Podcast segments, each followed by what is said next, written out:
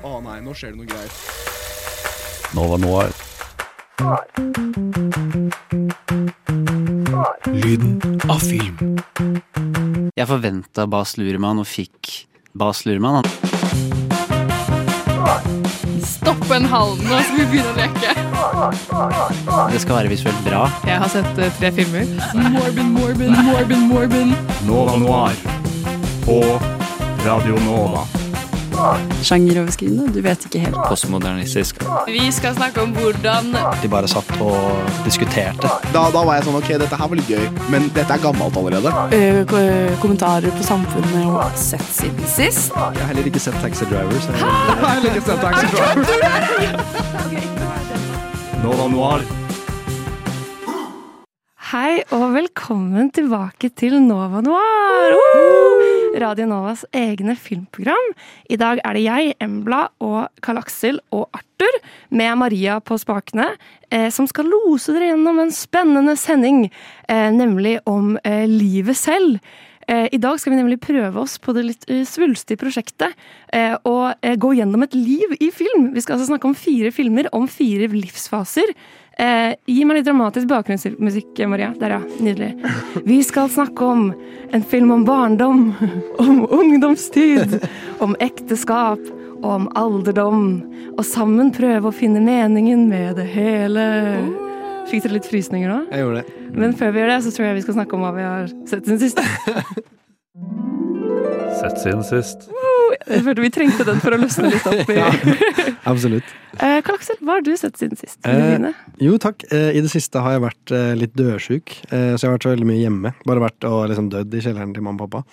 Eh, Da, jeg, da ser man jo ganske mye film. Ja, egentlig. Eh, men jeg har vært veldig sånn, det har nesten vært sånn halvveis influensasykdom, så jeg bare ligger litt sånn død i senga. Men eh, jeg klarte å se eh, Bionicle, The Mask of Light, som er en film jeg så i barndommen. Det er egentlig en Lego-film om Bionicle, hvis, du, hvis dere vet hva det er. Det ringer en vag bilde bjelle. vet ikke hva Bionicle er? Det definerte hele barndommen min. Og det er, det er egentlig bare eh, Forestill dere liksom det ville vært eh, Det er egentlig en actionfigurfilm om bare eh, forhistorien til Bioniclene. Og det er liksom bare sånne mekaniske slags actionfigurer lagd av Lego. eh, med veldig sånn De har liksom masse forskjellige ledd, og de er veldig sånn interaktive, som du kan leke med og liksom har Er det, altså, er det Lego, eller er det ikke Lego? det er liksom Lego, men det, hvis du hadde sett det og du ikke hadde visst det var Lego, så hadde du ikke innsett Eller du hadde ikke trodd at det var Lego, for det ser okay. ikke ut som Lego, liksom. Så det er liksom Bratz og Barbie, Ja. på en måte? Ja, på, på en måte. For å oversette det. Det er ja. eh, på, på liksom lik linje med det. Men det er egentlig en veldig feberdrøm av en film. For den bare den går gjennom liksom eh, For det første er det veldig klassisk at de liksom har lagd en sånn lek. Liksom en sånn eh, en sport som disse bioniclene spiller, som er veldig viktig for historien. Som er veldig gøy og liksom veldig lekent og tullete. Og når, du, når jeg så den her som liten, så hadde jeg veldig lyst til å leke denne leken. Eh, det er liksom sånn du har eh, seks forskjellige eh, spillere, og så er det to lag.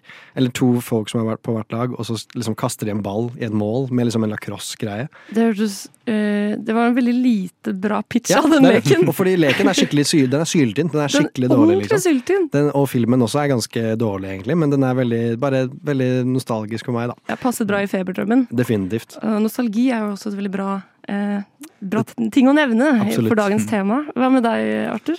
Jeg har sett Interstellar Interstellar på Cinemateket. På Føler- 70 Nå millimeter. ser jo den en god sånn annenhver måned, så kommer vi og snakker om den. Ja, det var andre gangen jeg har sett den. I Og- Ever? Ja, Ja! ever. Hva syns du, da? Den var jo helt fantastisk. Mm. Og det var veldig digg å høre det med sånn altså dritbra lyd. Mm. Så liksom det rista når det skulle riste. Ja. Ja.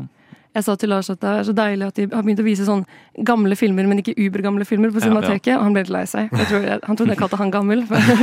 men men men Den er litt gammel nå, da. den er litt gammel nå. Snart ti år, liksom. Jeg tror den er ti år gammel. Ja, Ja. Den kommer ut i 2014, så er det snart ti år. Ja. Ja. Wow. Det er vilt. Men den er, eh, jeg er enig, det er veldig gøy å se det på stort lerret igjen. Ja.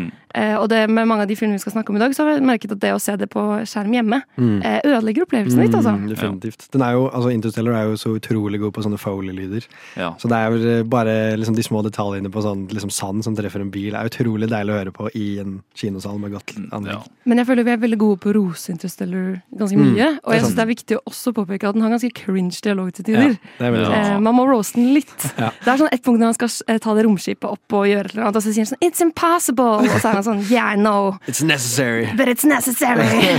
det er jo, går jo ikke an. Og så når han liksom han skal ta det største lipet inn i menneskeheten for å liksom komme tilbake til jorden og til datteren sin og liksom eh, gå gjennom et hull, så er den sånn Et svart hull, eh, vel å merke. Liksom, det er ingen som har gjort det i menneskehistorien noensinne før. Utenom de liksom en gang tidligere.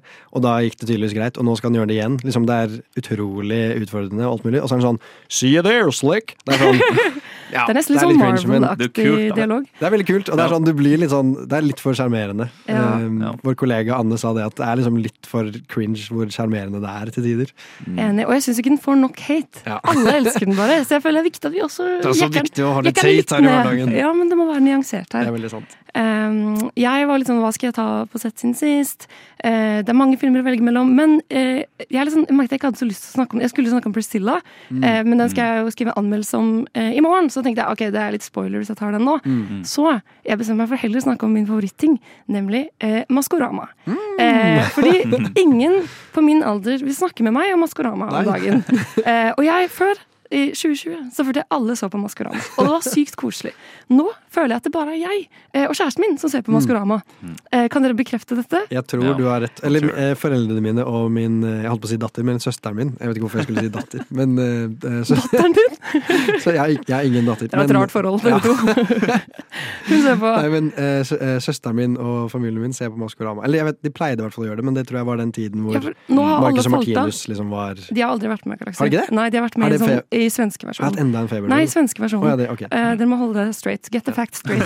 uh, poenget er bare at Maskorama Jeg skal ikke snakke så mye om det. Jeg bare, det er utrolig holdsom. Ja, okay. uh, jeg ser på det på søndager sammen med kjæresten min når vi er fyllesyke om morgenen mens vi spiser frokost. Ja. Eh, og hvis, han er kjempegod! Han har gjettet alle sammen. Eh, og nei, nå ble jeg sånn, jeg ble gira. Der, jeg skulle ha ironisk distanse, men nå viste jeg at jeg egentlig elsker dette. ja. Men eh, jeg vil bare egentlig slå et slag for at flere skal begynne å snakke om Maskorama. Mm. Jeg syns det er litt trist. Jeg føler den, den gjetningen de har, føler jeg bare er så Ofte så aner jeg ikke hvem de snakker om engang. For det er liksom sånn en gammel politisk rådgiver til, liksom, til statssekretæren, eller noe. Nei, men det var sesong én. Men Ja, nå er det jo faktisk det kjendiser. Okay. Eller sånn, ikke, ja, men Mats Hansen var med, for eksempel. Ja. Ikke at det er peak. Men det er litt det jeg mener at det er så gøy, for du får frem alt som er litt sånn snålt med Norge. Ja. Som at vi ikke har så mange kjendiser. Det er veldig, veldig sant. Eh, så jeg syns ikke konseptet i seg selv er så gøy, når, det hadde, men det er det at det er så haltete og kleint. Mm. Og de må sier så mye kleint som de stakkars programlederne får jo sånne tekster de må si mens de ser i kamera, og de begynner å le mens de sier det og sånn, fordi det er så skeitete. Jeg tror det er det jeg syns er litt hyggelig. Mm. Ja. Så jeg vil bare anbefale alle å sjekke ut Maskorama på en litt tung vintersøndag. Det er min juletradisjon, da. Det er hyggelig. Eh, men ja, eh, fra Maskorama til eh, meningen med livet. Eh, vi skal snart eh, begynne å finne ut hva det kanskje kan være. Die Hard er jo ikke julefilm. Die Hard er en julefilm. Die Hard er ikke julefilm. Jo, det er en julefilm. Er det det? Ja. Ja. Alle vet det. Ja. Ser jo ikke så veldig julete ut, da. Men det er julefilm. Film er best på radio. Nova Noir på Radio Nova. Velkommen tilbake til Nova Noir. Eh, vi skal i dag eh, gå gjennom et liv kronologisk. Eh, så nå blir vi på en måte eh, født. Sendingen blir født. Eh, vi skal nemlig snakke om barndom, ungdomstid, ekteskap og til slutt alderdom. Og så prøve å finne meningen med livet. Mm. og i hver av disse skal vi bruke en film som et eksempel og snakke om hvordan den filmen håndterer og skulle si noe om en livsfase. Um, og uh, dette er jo en sjanger som kanskje blir kalt sånn slice of life, egentlig, da. Uh, og hva er ditt forhold til den sjangeren? Um, egentlig eh, syns jeg det er en veldig koselig sjanger, eh, føler jeg. Eh, det er ofte veldig holdsomme filmer. Det er ofte det jeg relaterer til det. Um, så jeg koser meg veldig mye med å se of Life-filmer. Jeg har kanskje ikke sett så altfor mange. Um, jeg har kanskje liksom pika i antallet jeg har sett nå, med alle filmene vi har sett, fordi det er veldig mye Slice of Life-filmer her, egentlig. En av de er jo definitivt bare Det er jo bare slice Altså, vi skal komme tilbake til det Et bokstavelig talt slice of life? Ja, på ekte. Eh, ja, fordi Det som kjennetegner denne sjangeren, er at det er på en måte bare historier om helt vanlige mennesker Mm. eh, og ganske, som gjør vanlige ting. Og at det er en veldig vanlig bit av livet Mm. eh, som på en måte er veldig sånn klassisk. da Som for eksempel barndom eller ekteskap. eller noe sånt. Eh, er du fan av sjangeren, Arthur? Eh, ja. Eh, men jeg vil si jeg er litt mer fan av de eldre. Altså der de er 60-70 Mm. år gamle. Ah, du, altså, slicene av den, den Ja. mørkere delen av livet. kan man si. ja, jeg syns det er litt mer interessant, og sånn Jeg er ikke helt fan av, eh, selv om en av filmene er veldig bra, så liker jeg ikke den eh, eh, mellomalderen fra 20 til 30 Mm. slice of life. Oi! Jeg, kan, eh, jeg, vil, jeg er veldig enig i det med det du sier om liksom, alderdom. Uh, syns jeg er utrolig spennende å se på. Eh, jeg synes syns også det bare er eh, veldig sentimentalt for meg. Det er bare sånn, det påvirker meg veldig sterkt. Eh, og Slice of Life-filmer som handler om alderdom, pleier jo å være ganske ubarmhjertige, egentlig. Eh, men jeg hater eh, med liksom en burning passion egentlig eh, coming of age-filmer som er veldig sånn eh, avhengig av high school-dramaer.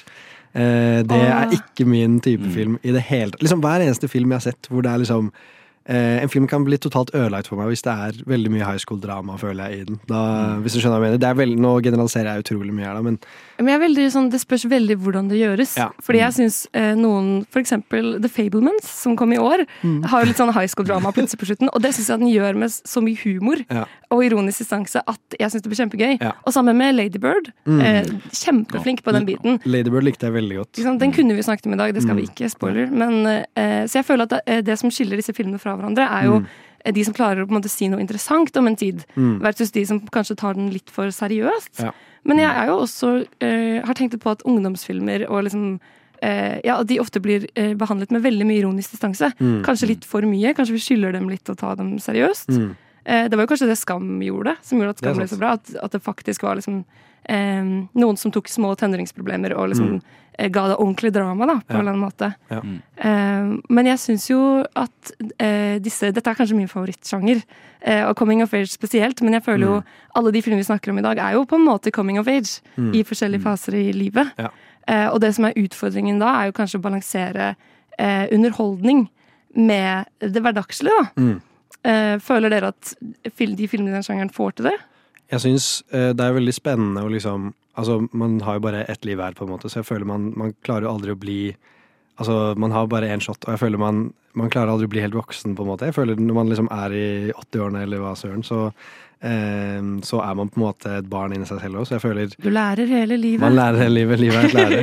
Eh, men jeg føler sjangeren er liksom Det er veldig hit, hit or miss for min del. Eh, men eh, jeg vil absolutt si jeg er en fan. Eh, det vil jeg. Det vil jeg si. Hva med deg, Arthur? Syns du at disse filmene får til å fortsatt være underholdende, selv om de handler om helt vanlige ting? Um, ja, mange av de.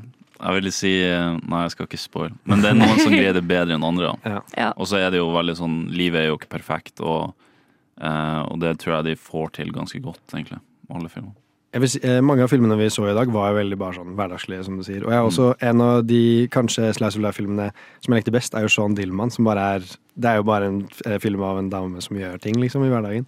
Men den òg eh, Jeg føler for en eller annen grunn så er det kjedelige filmer, men du kjeder deg aldri når du ser på dem, på en måte. Det er liksom en veldig rar effekt, føler jeg. For det, det skal i teorien være veldig kjedelig å se på, men det blir liksom ikke det. Og jeg, på, for en eller annen måte så er det ikke det, egentlig. Det er bare Ja. Ja, jeg tror det er veldig sånn opp til hver sånn, Jeg tror noen kanskje føler en sånn større å, det er dette som er meningen med livet-aktig følelse av å se en film som f.eks. Interstellar. Ja. Men den er jo helt urealistisk. Eller sånn, eller nå kommer det sikkert noen som skal krangle etterpå, men, men for meg så er det en film som Boyhood, da, som er Ja. den første vi snart skal snakke om, en film som gir meg den følelsen. da. Mm. Eh, Men det blir spennende. Vi skal prøve å finne ut hva disse filmene kan fortelle oss om livet. Eh, Og jeg tror vi rett og slett eh, føder denne sendingen og starter med barndommen, nemlig Boyhood. Og nå er vi drøye! Og så er det sånn, men dere er jo egentlig ikke det. Nova Noir. Nå skal vi snakke om filmen Boyhood. Vi har nemlig kommet til barndommen. En eh, gøy og fin tid for mange, kanskje ikke for alle, men eh, en tid alle har veldig mange eh, forskjellige minner og rare assosiasjoner til. Eh, og Boyhood er jo den perfekte filmen for å snakke om barndom, fordi den går fra at han er seks år til han er 18, tror jeg. Den, går, den er filmet over tolv år, så skuespillerne blir også eldre og eldre gjennom filmen. Eh, og det er regissør eh, Richard Linklater som har lagd den, eh, og som ønsket å lage en film hvor han bare kunne vise masse forskjellige faser av et liv. Så man følger egentlig bare seks år gamle Mason, søsteren hans og hans foreldre. Eh, og foreldrene hans er skilt, og disse fire karakterene følger du gjennom tolv år, helt til Mason en dag flytter hjemmefra. Hey, stop! Put the barrier up!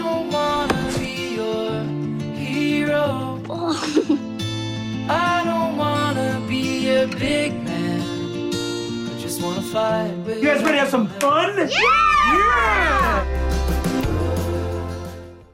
Og så vil jeg bare si med en gang at dette er eh, min favorittfilm. Så jeg følte nesten en liten tåre nå, eh, bare av å høre denne traileren. Mm. Og jeg kan jo starte denne å bare rose den masse og fortelle hvorfor den er fantastisk. Men eh, jeg, jeg tror jeg skal gi ordet til en av dere. Eh, Først, og så kan jeg heller komme og rettesette dere etterpå. Eh, så Arthur, du kan få take it away. Hva, eh, hva syns du om Boyd? Eh, dette, ja, dette blir tredje gang jeg ser den. Mm. Eh, og jeg likte den ekstremt mye første gang, og da var jeg jo rundt 15-16.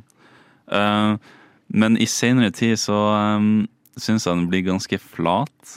Eh, og ja, ok. eh, den blir ganske flat, for at det er jo ganske mye som skjer i hans eh, Mm. liv. Og han, eh, han er jo skilt, han får jo nye stefedre, og de har Mm. sine problemer. Mm. Men jeg syns han responderer ganske dårlig til alle problemene sine. Jeg Mm. føler Altså hovedkarakteren Mason? ja, ja, Mason. For jeg føler jeg ikke blir kjent med han i det hele tatt Mm. før han blir hva det blir 15 eller noe sånt. Når han drikker for første gang, så bare Å ja, dette er den karakteren som er hovedkarakteren i Mm. denne filmen. Mm. Og så utover det så utvikler han seg til å ja, være en person jeg kanskje ikke liker så veldig godt. Mm. Mm. Og han er veldig sånn monoton. Altså, han, Mm. Og søstera blir jo sånn fraværende. Hun, hun er veldig mye med i starten av filmen. Jeg syns hun var veldig flink skuespiller i starten. Mm. Og så er det jo sånn Det er veldig kult at de har tatt de skuespillerne og så fulgt de etter så, eh, så lenge. Men eh, ja, jeg syns bare Den har ikke noe. Men det, eh, der vil jeg bare kaste inn med en gang. Jeg klarer ikke å ikke si noe. Eh, Rebuttal. Fun fact. Eh, søsteren er spilt av datteren til Richard Linklater, så det er regissørens datter. Mm. Eh, som ikke ville la han ikke ha henne med i filmen. Eh, hun var skikkelig sur hvis hun ikke skulle få være med, så han skrev henne inn. Eh, hun er åtte år da, når dette skjedde. Drama. Eh, men jeg syns det at hun forsvinner mer og mer ut av filmen, og at Mm. han ikke er en så tydelig karakter, er jo nettopp det som er unikt med denne filmen. For du ser jo noen bli eldre. Og akkurat som søsken på ekte, så er man jo veldig tett når man er barn, og så Mm. forsvinner hun liksom ut i periferien. Eh, blir en utydelig karakter. Mason, ja, han blir noen du ikke liker når han er eh, 16-17 Mm. år. Det ble jeg òg, holdt jeg på å si. Sånn, jeg syns den følger han veldig fint da, gjennom de Ja. forskjellige fasene, og nettopp det du sier at han blir en litt sånn rar person etter hvert. Mm. Eh, og det er det jeg syns er så kult. Mm. For det føles litt sånn organisk. Eh, og ikke nødvendigvis Selv om jeg tror alt var i manus fra start, så har de jo tilpasset fra år til år. Mm. Eh, og jeg syns det flyter så fint, da. Jeg tror eh, dette har vært litt interessant, for jeg har liksom lest en del reviews og sånn av den nå. For jeg, jeg synes det er, veldig, det er veldig mye forskjellige meninger om den her. Det er veldig mange som bare respekterer den av liksom bare verket i seg selv, og det er det mye å respektere, liksom. Det er jo tolv år med arbeid, og det er en Mm. utrolig investering å bare satse på en skuespiller på den måten. Eh, Men veldig mye av det jeg ser som folk ofte roser den for, er også det veldig mange andre folk gir den kritikk for. Eh, Og jeg føler ofte at det er liksom Eh, Jeg leste en review som jeg syntes var utrolig god. Som bare var sånn, Det var en person som beskrev den at filmen går inn og ut av faser, og at du, du blir kanskje ikke kjent med Mason, på en måte. Du blir kjent med alle i familien hans og alle de rundt han, og du føler at de eh, har sine inntrykk på han og sånn, men du Mm. klarer ikke å se han svare. Og for mange kan det være kritikk, men for andre kan det også være eh, liksom en god ting med denne filmen, ved at, du liksom, ved at det er så slice of life, eh, og at du liksom eh, Hvordan skal man respondere da når ting skjer i familien din, og det er Altså, han har hatt en utrolig vanskelig og komplisert oppvekst. Han har jo mange problemer, liksom en alkoholisk stefar, mye drama der, som egentlig bare sånn Det påvirker han ikke i det hele tatt. Jo, det, det- men det er jo Men det er sånn, det er jo ingen, ing- egentlig ingenting som skjer ut av det, men liksom, man kan jo regne med at dette påvirker han bare sånn på personligheten hans, eller hvem han ja, det, blir, Ja, gjør, det påvirker hvem han blir. Og jeg elsker at ja, det er jo for eksempel en, eh, Denne filmen er nesten som mange små kortfilmer. Mm. Altså segmenter av livet eh, fra år til år. Eh, og da er det jo et av segmentene som er at de plutselig bor hos en ganske voldelig stefar. Som jeg Mm. også vil si er kanskje det mest dramatiske i filmen. Ja. Det er jo egentlig ikke så mye drama som skjer eh, av sånne store ting. Det er veldig mye humor å være med, men akkurat den delen her er det ganske hardt. Mm. Eh, og som du sier, det, det handler jo mye mer om moren til Mason. Eh, hvordan hun håndterer det og har fått dem inn i den familien, og hvordan Mm. hun prøver å skille seg fra denne stefaren og liksom eh, konsekvensene av det. En, Mason er jo bare et barn. Eh, så jeg føler vi blir litt sånn nesten satt i Masons sine, eh, sine sko. Mm. Altså at seeren får være han som Ja. får alle disse inntrykkene. Han er et barn, han kan ikke gjøre så mye. Mm. Og til slutt så ser vi han ta et valg og forlate dette livet da, og lage sitt Ja. eget liv. Og det er liksom da han blir en person. Jeg syns også den scenen hvor han faktisk forlater, og, og han liksom Og moren sitter der og gråter. sin. Og hun sitter der og hun liksom bare blir helt fra seg, for hun skjønner ikke hvor tiden har gått av. Og hun Mm. tror liksom at det skal være mer av livet. Og det føler jeg hele, det er jo en metafor Akkurat det hun sier der, er jo en metafor for hele filmen nå, føler jeg. For det er jo liksom passering av tid, og liksom hva, hva blir det til av disse menneskene? da? Vi vet jo Mm. ikke, og vi Jeg syns egentlig ikke det blir noe særlig av de, og det er jo kanskje meningen. Og det er meningen. Det er jo liksom. bare alle disse små øyeblikkene. Ja. Og jeg elsker denne filmen som en tidskapsel. Mm. Fordi for, Siden den er filmet fra år til år, så er det jo Og den er filmet på, skutt på film, Ja. som gir et veldig sånn nostalgisk preg. Mm. Og så får du jo følge sånn De står i kø til Harry Potter Ja, 6. det synes jeg var så for å få bok, nye boken, og de spiller Vi, Mm. en Nintendo Gameboy Du ser jo hele barndommen vår da, Mm. i revy samtidig som Mm. dem. Og det er jo eh, også bare en helt fantastisk tidskapsel. Ja. Eh, men jeg vil egentlig argumentere for at foreldrene til Mason er hovedrollene. Ja. Eh, da spiller jo Ethan Hawke Mm. og Ja. Patricia Arquette helt Mm. fantastiske roller. Ja. Eh, hvor kanskje Ethan Hawke er han litt sånn fraværende, kule faren i, i starten. Mm. Blir mer og mer en familiefar. Mm. Eh, mens Patricia Arquette har tatt veldig mye ansvar i starten, og egentlig Ja. følt at hun har ofret hele livet sitt for disse barna, og være Mm. alenemor. Eh, og kanskje hun sitter jo igjen ganske bitter og alene. Eh, så å følge deres reiser syns jeg er minst like interessant som å følge hovedkarakteren Mason sin Mm. reise. da. Ja, det er enig. Ja. Men Jeg synes, hvordan jeg, eller, ja, Eh, Patricia Arquette sin rolle syns jeg var, hadde veldig god resolution. Men det er jo veldig trist at man Du får jo ikke noe svar på hvordan det blir, men det er jo litt fint i det òg, da, kanskje. At, eh, fordi nå er hun liksom alene, og hun har Plutselig så Hun var jo eh, eh, bodde alene også, hun hadde nettopp flyttet til liksom, et mindre leilighet. Eh, og hun nå er Hun skulle jo skrive og kanskje publisere en bok etter hvert. Liksom, hun kan satse litt mer på seg selv, da. Og det er veldig fint når hun liksom har brukt all energien sin. Og så har hun også feilet og liksom prøvd å feile med alle menn i livet sitt òg. Liksom. Hun har Mm. klar, selvfølgelig klart å lage en familie, og den er jo uh, til tider funksjonell. Men uh, uh, veldig ofte dysfunksjonell også. Jeg tror det har påvirket den veldig. Og liksom, da de drar, så burde hun jo kanskje hatt en følelse av liksom Jeg holdt på å si seier, det er, jeg har ikke noe annet ord å bruke. Men liksom, lykke. lykke, da. Ja, Ja. Eller contentment, eller noe sånt. Men hun blir bare liksom lei seg. Og det syns jeg det er noe fint i det, for det er veldig reelt, tror jeg. Men der tar jo Mason et valg, for dette er helt til slutten av filmen, hvor da Mm. Mason skal flytte hjemmefra, og moren bare begynner å gråte og er veldig lei seg. Så kunne jo han blitt igjen og trøsta, eller blitt ganske lei seg, han òg, men du ser han har blitt helt passiv for morens smerte. Fordi han, han har jo sett henne lide hele Mm. livet sitt. Mm. Så i slutten så er han bare sånn 'mamma, hvorfor gråter du?' Ja. Altså, er, og så drar han. Jeg tror også det er veldig reelt. Sånn, Veldig. egentlig, Det er så realistisk. som er uh, veldig trist. Men Ja. Men hvor, hva gjør at dere ikke Ja, dere blir ikke så kjent med Mason, men kjeder dere dere? jeg uh, syns pacingen var utrolig god. Den, eh, den likte jeg veldig godt. Men jeg føler den var veldig god liksom første halvdel av filmen, og så etter det så kanskje falt jeg litt av. Jeg syns pacingen ble liksom litt langstrukken på slutten.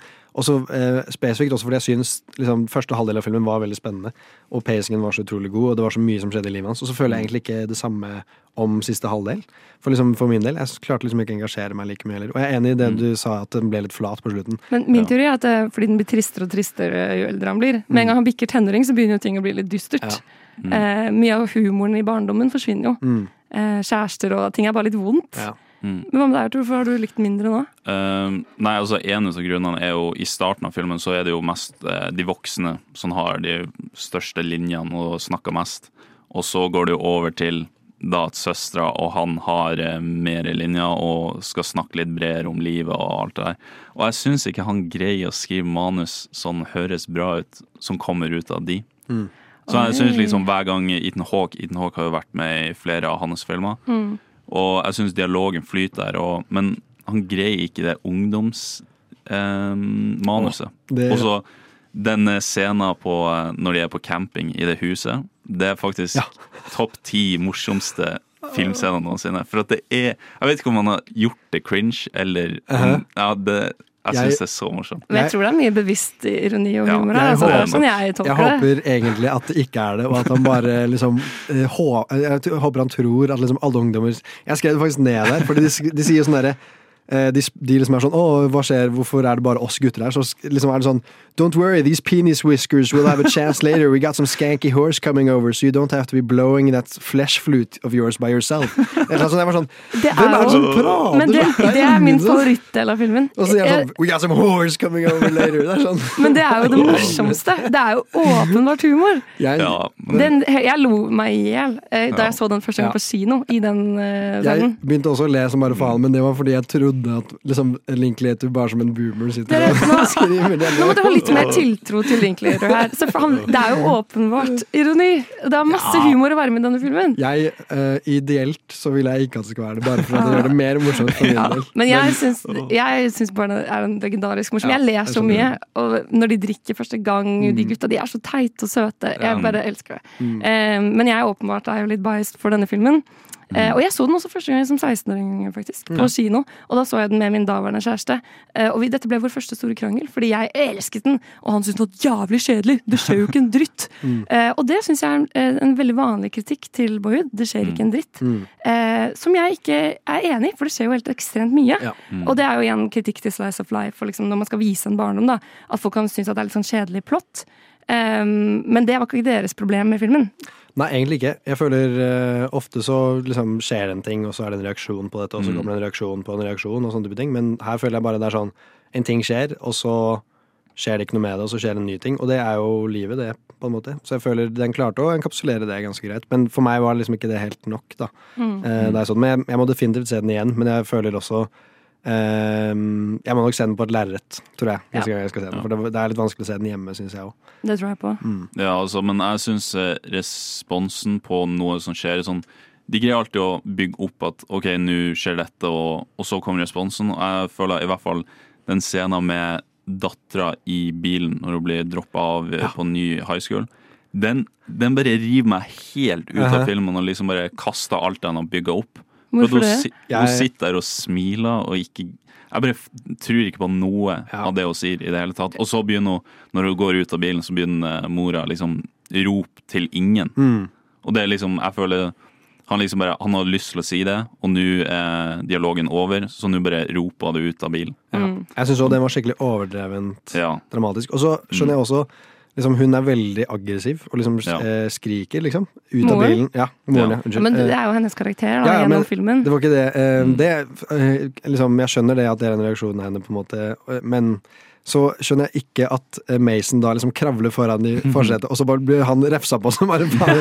Jeg hadde holdt meg som faen i baksetet. Ja, men mora mi man, hadde skriket barndom ut så av vinduet. er man litt sånn der. Det, jeg syns jo han det er noen keitete og kanskje unaturlige ting her som Ja. funker i den fordi de er barn, da. Og fordi det er tolv år, og fordi du Jeg tror på det i det formatet, da. Mm. Men eh, hva føler du at filmen sier om barndom, da? Bare for å liksom prøve å konkludere litt eh, i barndomsfasen av, eh, av denne sendingen.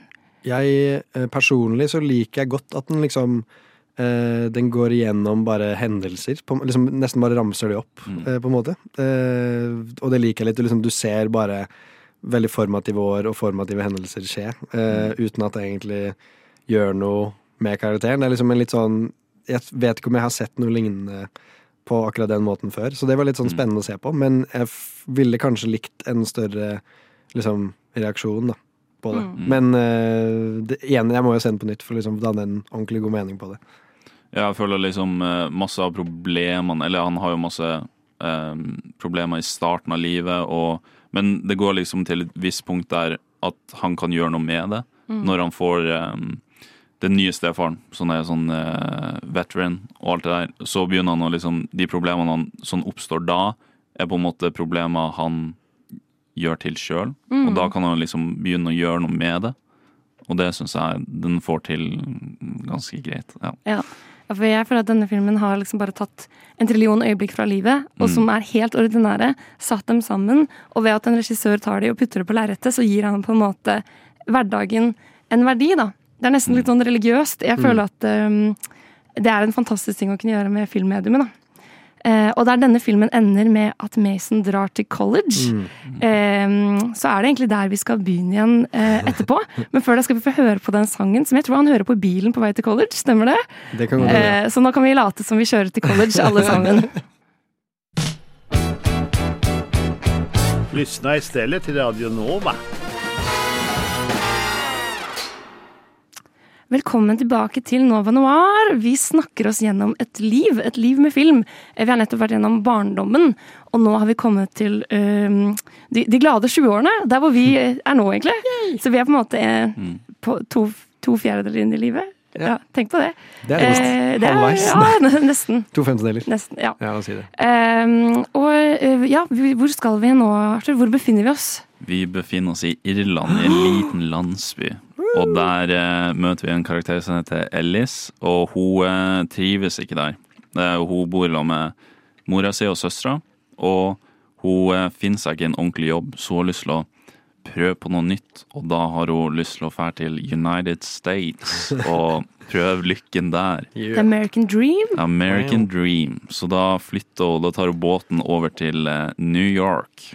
Og um, starta livet sitt der og prøver å finne en jobb og, og kanskje kjærligheten. Mm.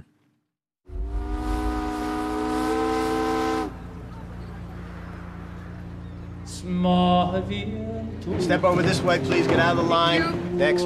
Passport, please. Welcome to the United States, ma'am.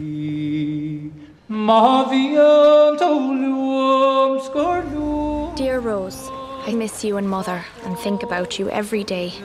The most important news is that I have a job and I'm in a boarding house. Wow. Dette var altså Brooklyn. Vi hørte et klipp fra der. Filmen Brooklyn. Eh, om, der vi følger Saoirse Ronan eh, i 20-årene, som skal eh, prøve lykken i Brooklyn. Mm. Eh, Arthur, du valgte denne filmen, Ja. eh, som overrasket meg veldig. For Ja. dette er vel kanskje litt sånn i chick flick-land. eh, Syns ikke det? eh, men, men fortell, hvor, hvor kom det fra? Hvordan fant du den? Uh, nei, det var på grunn av Saoirse Ronan. Jeg greier ikke å si det. ja, ingen tør Man sier det bare Saoirse Ronan. Skuespilleren. Ronan. Nei, jeg så uh, noen filmer med henne, og så tenkte jeg at hun er veldig flink. Jeg har sett um, hva det var, Lady Bird, Little Women. Jeg syns hun var veldig flink, og så så jeg den på Disney pluss. Og så minner det meg litt om eh, det jeg går igjennom. Jeg liksom kommer fra Irland, nei da, jeg kommer fra Bodø og skal flytte til storbyen Oslo. Ja. Og, jeg, og den perf altså det er en perfekt fortelling på hvordan det kan være. Mm. Sånn gjeng, eh, hjemlengsel, Mm. og hvordan du liksom drømmer det opp. Og ja, jeg syns den bare er fantastisk bra film. Mm. Og nostalgien til alt du Mm. forlater. Ja. Eh, vi hadde jo ikke sett den før. Nei. Eh, og hva ble du overrasket, Karl Aksel? Eh, Jeg ble litt overrasket over hvor koselig jeg syns den var. Veldig jeg synes den var veld, det var en veldig veldig hyggelig film å se på. liksom Bare sånn eh, Den var across the board veldig veldig hyggelig. En god opplevelse. Det vil jeg Mm. absolutt si. Jeg føler at den er, eh, den er ganske cheesy. Mm. Tidvis. Mm. Eh, hvert fall kanskje på starten. Den har noen sånn fade in, fade ut-overganger som er litt Mm. sånn snåle. Eh, veldig sånn eh, svulstig musikk. Eh, men det tar liksom bare ti minutter, så kjøper jeg det. Så jeg er helt i det, og så aksepterer jeg det. Mm. Og jeg tror det er mye av Saoirse Ronan. Ja. Eh, Ja, fordi hun, hun drar jo denne filmen. Hadde det vært en cringe skuespiller, så hadde alt falt sammen. Ja. Eh, men jeg ble Jeg gråt altså to ganger. Og jeg lå eh, og lo for meg selv. Jeg var hjemme alene, og jeg holdt sånn rundt en pute og var sånn Sparke med beina. Ja, liksom. fordi hun driver og har en flørt Mm. med en, en italiener. Eh, og altså Dette er den beste filmen, kanskje, vil jeg si, på en flørt. Uh, Jeg har nesten wow. aldri blitt så giddy av å se en film. Og vi snakket nettopp om en annen Linklater-film, eller trilogi. Ja, Eh, Before-trilogien. Da ble jeg ikke giddy. Det syns jeg er irriterende. Det er vilt. Mens her så ble jeg sånn «Ih!» når vi snakket sammen, og når han kom utenfor jobben hennes og han sto og venta, så var jeg sånn Det var så cute! Det er veldig sånn female gaze-kjærlighet, føler jeg. Um, og det er veldig koselig av den grunn, tror jeg også. Mm. Og veldig sånn, Han fyren var veldig sånn, veldig respektfull og bare det var veldig klart at han bare, han bare var sånn unconditionally forelska jo, liksom. Ja, når hun liksom sa ja til å gå på kinomann, eller noe sånt, så ble han så glad! Han ble så utrolig glad. Eh, men ble dere like giddy av romansen i denne filmen? Jeg, jeg, jeg hadde liksom et smil om munnen stadig vekk i den filmen her. Men Du er trenger ikke ikke å tøffe deg nå, Karl Aksel. Jeg- Kom med sannheten. Maskuliniteten min står eh, eh, bra som vanlig. Nei, men den eh, Jeg syns den absolutt var veldig koselig, og jeg, eh, man blir litt sånn Å, skulle ønske det var meg, liksom. Men, men eh, det er ikke alltid sånn det er. Eh, det er ikke en reell film, for å si det sånn, da. Nei, Nei, for dette er kanskje den romantiseringen Ja. eh, av 20-årene hvor eh, en annen av mine favorittfilmer, Frances Ha, Mm. er jo, handler om samme tid, men der er det veldig sånn hun har ikke penger, hun har ikke liksom, venner, hun har ikke kjæreste, livet går til helvete. Mm. Eh, mens her er det veldig sånn hun begynner jo litt på bånn, men det er jo veldig sånn, hun bygger seg opp. Hun blir egentlig en perfekt person som alle vil gifte seg med, Ja. som alle vil ha ansette. Eh, og det er litt sånn deilig med sånne filmer òg, Mm. eh, som bare kan være litt sånn seier. Du blir ikke straffa, liksom. Ja, Det er at det, sånn, eh, det er digg å se noen klare det bra, Mm. på en måte. Mm. Eh, men føler dere at den blir litt for drømmete? Ja, jeg vil kanskje si det. Eh, altså, det, det er liksom en konflikt som oppstår Mm. når hun drar hjem til Irland. Ja. Eh, ved at hun da liksom er i en, liksom en feud med moren sin. eh, for hun eh, har giftet seg i hemmelighet og alt mulig sånn. Og liksom hun forventer at hun skal flytte hjem og gifte seg der. Um, og jeg hadde, jeg hadde 100% forventet at det skulle liksom bli noe mer av det, men det var bare sånn ja, bare, Nå spoiler jeg veldig, da, men hun, Ja. eh, hun drar jo bare tilbake til New York. Men det eh, tok Altså- ikke jeg som Jeg var veldig spent på hvordan det kom til å gå. Det var Ja. ikke så åpenbart hvor denne filmen var på vei. Nei, det er jeg enig i. Det er jeg ganske enig i. Ja. Og så hun, hun drar jo tilbake til Irland og har liksom forlova seg, og ingen vet det. Mm. Og så er det vel en nabo eller noe sånt som liksom konfronterer henne bare sånn Å, jeg, jeg har noen venner i New York, og de har sett det. Og da reiser hun seg opp og bare Nei, Ja. det er derfor jeg dro herifra. For Ja. folk sånn som dere og liksom Hun står opp for seg sjøl, Mhm. og så bare sånn Fuck dette, I'm out. Ikke Ja. sant? Og jeg, jeg syns den konflikten er egentlig alt du trenger. Mm. Det er jo en veldig sånn Fram til da er det jo egentlig en feel good. Veldig feel good. Sånn, Mm. Hun lykkes, hun finner ut hva hun skal gjøre. Og, men jeg syns bare det er alt hun trengte, egentlig. Mm. Jeg syns òg den, liksom, den stereotypiske konflikten der er at hun liksom bøyer seg i støvet og er sånn nei, vær så snill, ikke si det til noen. Og Ja. Ja. liksom, hun, blir med, hun blir liksom fanget da, av Mm. denne, denne konfronterende kvinnen Mm. og sånn. Men hun står liksom opp for seg selv, og liksom det, det løser alt. Fordi hun, på den tiden også var liksom sømmelighet og sånn var jo det viktigste. Så de, og det å stå opp til seg selv og liksom kanskje kjefte på noen andre tror jeg ikke var så vanlig på den tiden. Mm. I hvert fall det å liksom være en kvinne og stå opp for seg selv og liksom På du- 50-tallet. ja, og da gifte deg eh, og alt mulig med noen. Jeg tror Det var jo litt sånn syndelig. Moren begynte jo å nevne Gud og litt sånn forskjellig. At, liksom, Ja. At det var ikke helt i Guds, eh, Guds bilde, dette her. Um, Ja, Irland er jo litt spesielt konservativt også. Men eh, nei, jeg er enig men det jeg syns denne filmen gjør så bra, er at hvis denne filmen var laget av noen andre, så føler jeg at det kunne vært ganske åpenbart at hun kom til å reise tilbake til New York og finne tilbake til italieneren sin. Mm. Men den Irland-delen, så får hun jo en flørt med en um, ir, ire, ire, irer. Mm. Ja. Eh, og han er jo veldig sjarmerende, han òg. Mm. Det er ikke sånn der 'Å nei, jeg håper ikke hun velger skurken', eh, fordi han er også kjempefin. Så jeg syns Ja. det er ganske nyansert i de Ja. valgene. Vi kan skjønne alle valgene, og derfor også skjønne at det er så vanskelig. Eh, og selv om jeg hadde vel lyst til at hun skulle komme hjem til italieneren, så skjønte jeg også det jeg ville bli i Irland, da. Mm. Eh, så jeg syns hun var flink til å, å skildre disse vanskelige livsvalgene. Mm. Eh, og jeg er jo fra Oslo og bor i Oslo, så jeg kan kanskje ikke relatere så mye til den der hjemlengselbiten. Mm. Men traff den deg, Arthur? Ja, jeg syns liksom for at hun, hun vil jo satse på noe mer enn eh, bare å være i Irland. Og så er det jo den Hun drar jo fra Hun blir jo også Når hun drar fra jobben, så sier jo hun um, sjefen at Og nå forlater du mora di og søstera Søstera di må ta vare på henne. Og liksom det er så ille, og liksom Hun får jo mye skyldfølelse, men til syvende og sist så må hun liksom ta et valg, da. Og så blir det jo bedre og bedre. Sånn som hun, eh, hun møter på den ferja over til New York, så er det bare sånn I starten så tar det lang tid før brevene kommer, og så er de her på et knips, liksom. mm.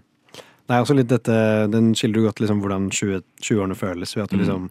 Du tar veldig store valg som du er veldig usikker i selv, og du forlater liksom en trygg hverdag hjemme. Og liksom kanskje eh, en litt for konvensjonell hverdag og tar ja, de, de vanskelige valgene da, for å Mm. gjøre noe bedre for deg selv. Og det er jo en veldig tung følelse liksom i 20-årene, og jeg tror veldig mange føler på den tvilen. Og hun hadde jo absolutt det, hun hadde absolutt hjemlengsel, og hun ville jo liksom hun ville jo hjem til tider, men hun sto liksom i det og klarte å, å komme seg videre og bli forelsket og finne liksom det gode liv. Men Så- ja, dette er drømmeversjonen. det er jo drømmeversjonen. Eh, Det er ikke alltid det går sånn. I Frances Ha, når hun må flytte tilbake til sitt gamle college og begynne å jobbe som sånn studentvakt fordi hun ikke har noe penger og ingen sted å dra og ikke noe bolig. Mm. Og hele filmen handler om at hun må akseptere om at hun må gi opp drømmen sin. Mm. Eh, jeg føler jo den er litt mer eh, Ja. relatable, på en måte. Men det er deilig med drømmeversjonen også. Mm. Eh, men ja, ble dere inspirert? Fikk dere lyst til å reise over havet? Jeg fikk lyst til å dra til Brooklyn og finne meg en uh... Italiener. nei da, men Nei, det er um, uh, Ja, jeg ble litt inspirert. Altså, det er jo Ja. veldig hyggelig å liksom se kjærligheten spire og liksom Og det er jo definitivt et sånn drømme, drømmescenario som eh, jeg ikke tror er helt oppnå, oppnåelig. I hvert fall på, de, på den skalaen som det var, da. For det var veldig, veldig dreamy. Og nå eh, har det vært veldig deilig å være sånn i en drøm, fordi vi skal bevege oss til ekteskapet. Eh, og det kan jo være litt mørkere. Du hører på Nova Noir, filmprogrammet på Radio Nova. Spoilere kan forekomme.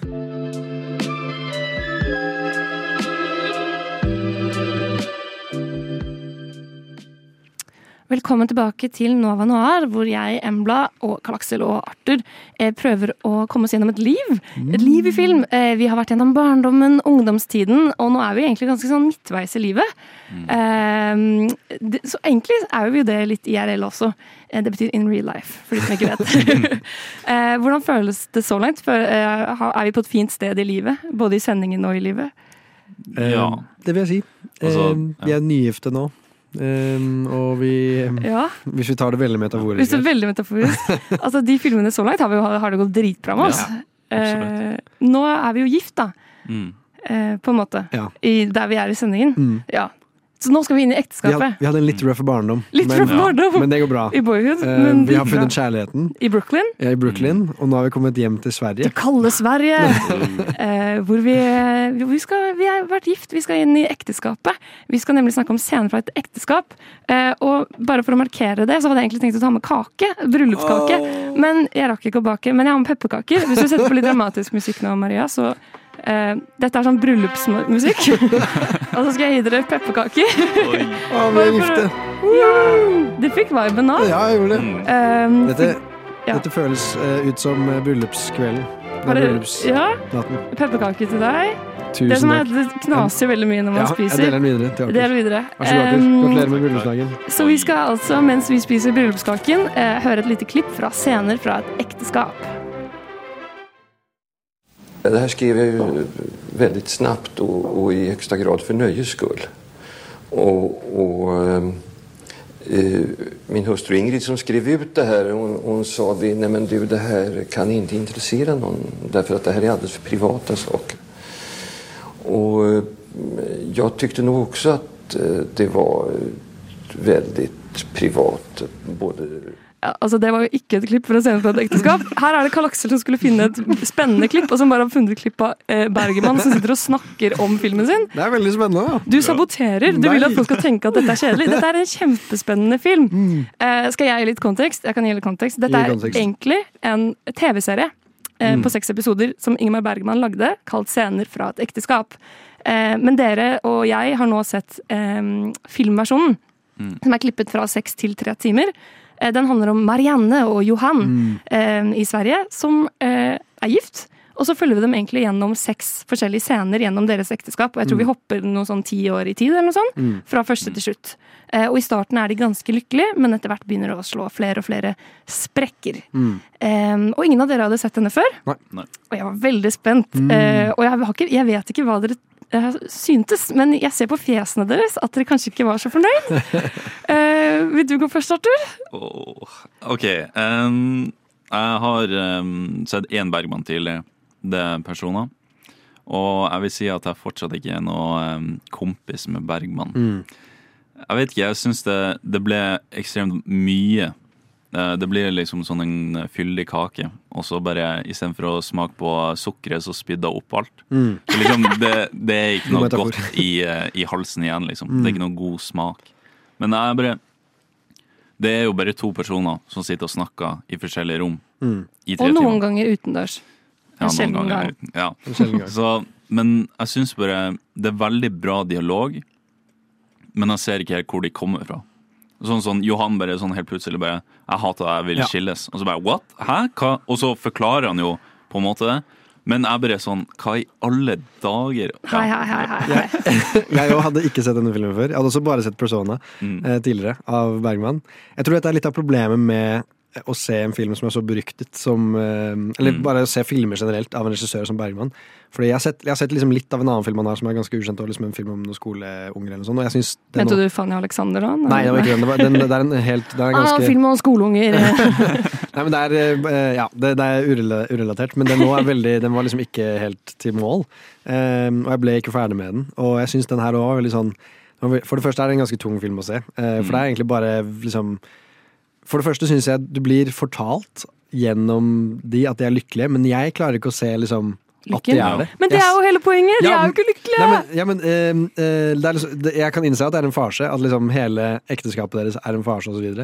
Men så har de gått hvor mange år? Fire Nei, de var ti, tiårsbryllup. hadde de gått. Det er starten av filmen, ja. er de lykkelige hele tiden, helt til de ikke er det. Og så jeg, bare, jeg følte den transition var veldig brå. I hvert fall når han liksom Altså vi- fra de er lykkelige til de ikke er ja, lykkelige. fordi eh, når vi liksom innser at Johan, Johan konfronterer eh, Marianne jeg, eh, Ja, eh, han konfronterer Marianne og sier at han har vært utro. Det er kanskje da, eh, Dette er vel episode tre, det Ja. er da den virkelige konflikten kicker inn. Nå må vi også eh, merke at eh, eh, Arthur og jeg har sett eh, den teatralske versjonen som er på to og en halv time. Eller to, Ja. Filmversjonen? Ja.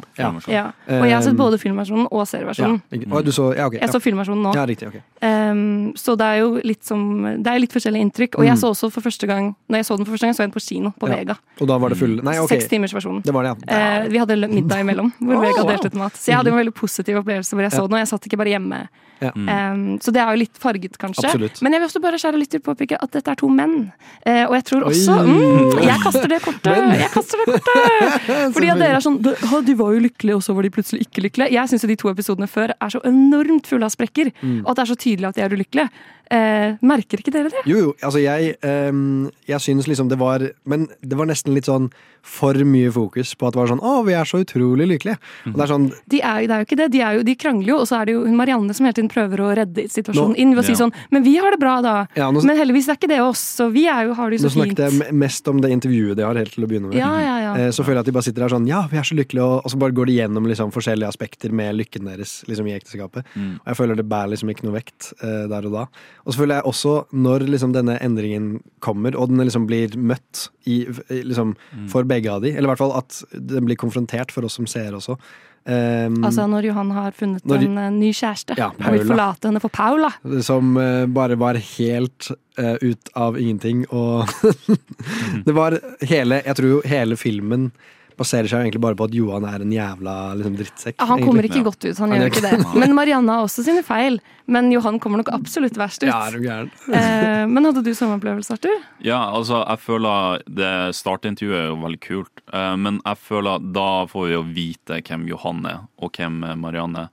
Og hun er jo egentlig bare et tomt skall. For når, Mm. når han sier bare 'Å, jeg er flink til dette, dette', og alt det, og så sitter hun der og på en måte ikke får noe ut, Mm. og liksom en Og det, det gjenspeiler eh, jo i, i resten av filmen. Mm. For det er han som kommer med alle disse problemene hele tida. Så bare, ja, eh, Hvis vi spoler helt til eh, skilsmissegreia, så er det liksom sånn Han kommer med alle problemene, og så helt Mm. til slutt så sprekker jo hun. Mm. Og ja.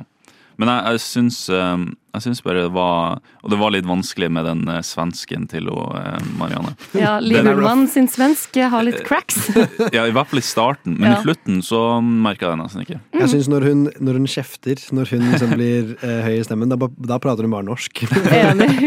Som er veldig gøy. Ja. Eh, det er litt artig. Det er en scene hvor de snakker om at de er ikke som andre par, for de er så gode til å kommunisere. Og de snakker samme språk, sier Marianne. Vi snakker samme språk, og det sier hun så norskt. Ja. Det er så humor.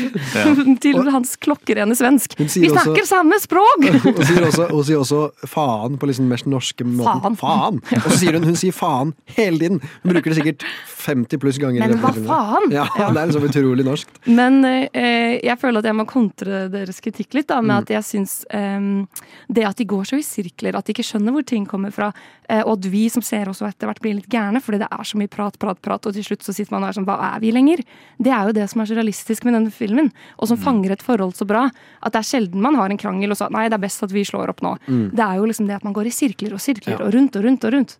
Jeg, jeg er enig i at den gir liksom en veldig sånn rå eh, liksom, skildring av bare hvordan det er å være i et dysfunksjonelt liksom, ekteskap. For det har vært i veldig mange av de. Neida. Men eh, jeg syns i hvert fall at den, den gir liksom en veldig rå eh, skildring av et, et ekteskap, og liksom hvor vondt man kan være mot hverandre. Eller hvor Mm. vonde man kan være mot hverandre når man er i et ekteskap. Fordi jeg så eh, en beskrivelse av filmen var liksom eh, så onde man kan være mot hverandre, kan man bare være som et ektepar. Mm. Og det, det er jeg veldig enig i. Og det Men- sier du i starten av filmen også. Ja, ja, det gjør det, ja. Okay, det Eller det, de, filmen åpner med at de har et par på besøk som krangler masse. ja. Venne, et vennepar som krangler. Mm. Og da sier de sånn det fins jo ikke noe verre enn et, en mann og en kvinne som hater hverandre. Ja. Eller mann og en kone. Eller. Det er veldig dystert. Men jeg syns på ekte at Johan sin karakter øh, synes jeg er veldig teit skrevet.